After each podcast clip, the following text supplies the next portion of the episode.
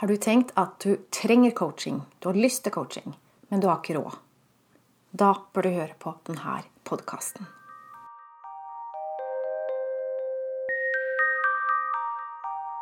Jeg heter Line Strandvik. Jeg jobber online som personlig veileder, hvor jeg hjelper skilte til et godt liv med glade barn. Og nå er det snart ti år siden jeg starta. Eller egentlig så er det ti år siden jeg starta for tredje gang. For det å være gründer og leve av noe sånt her, det tar tid. For ti år siden så starta jeg helt fra scratch. Jeg er utdanna sivilingeniør, jeg har ingen coachutdanning.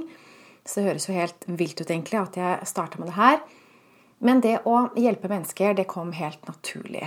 Det tenker jeg at jeg er født til, så det var ikke der eh, problemene lå for min del.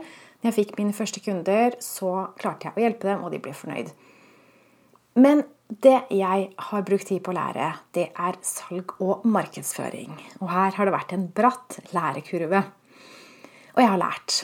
Ikke ved hjelp av en formell utdanning, men direkte av andre dyktige selgere. Og selvfølgelig av egne erfaringer med å selge. Det er kanskje noe av det viktigste. Vi må prøve å veile. Og så er det jo sånn da at vi kan ikke alltid ta det ekspertene sier, for god fisk. Vi må teste ut litt. F.eks. så fikk jeg høre av flere.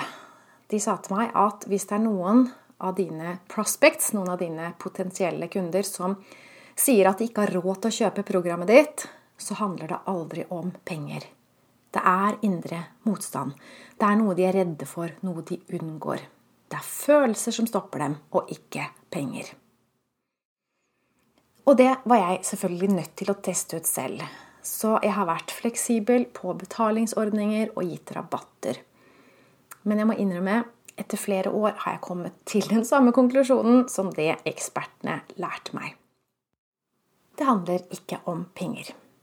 For de som får rabatter, de gjør stort sett alltid en dårligere innsats enn de som betaler fullt uten å mukke. De som betaler fullt, de er toppmotiverte. Deres betalingsevne matcher deres innsatsvilje. Det har jeg også funnet ut av. Så det var riktig som de sa.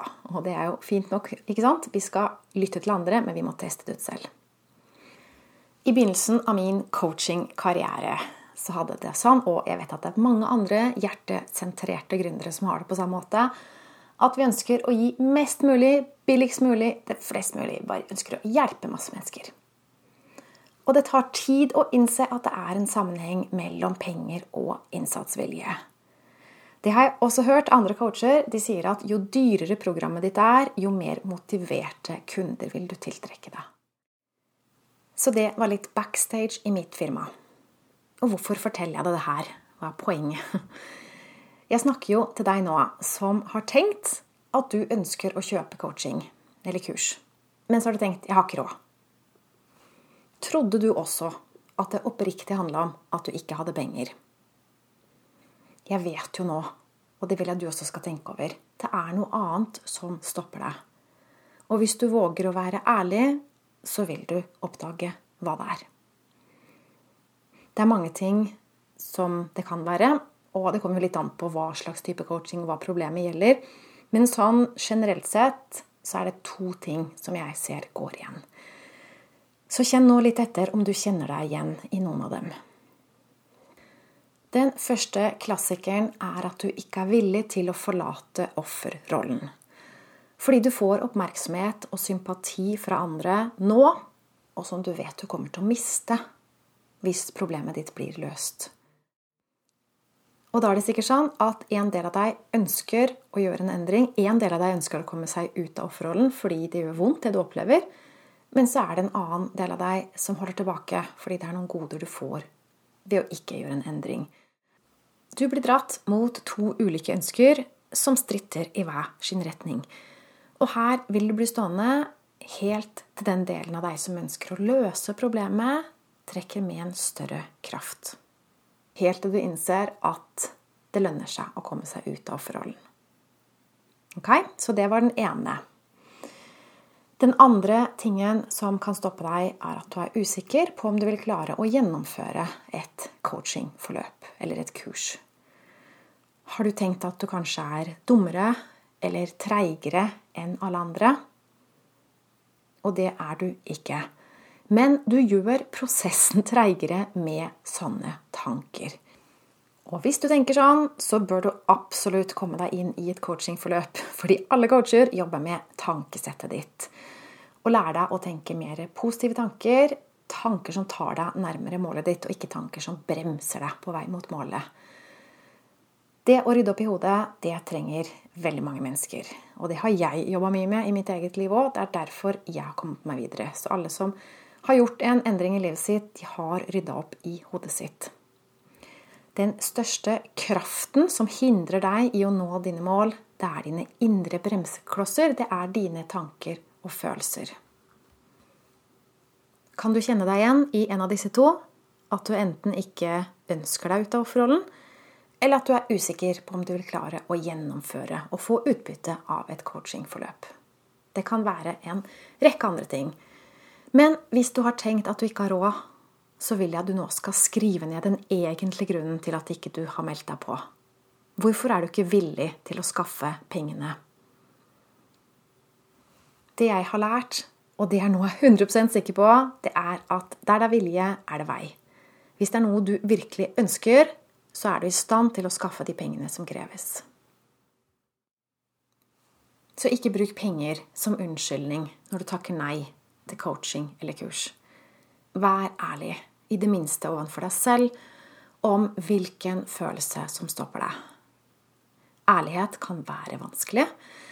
Både fordi vi lever ubevisst, vi er ikke klar over hva vi tenker, vi er ikke klar over at vi lyver. Men det er også vanskelig fordi det kan gjøre vondt å gi slipp på en løgn. Det kan gjøre vondt å se sannheten.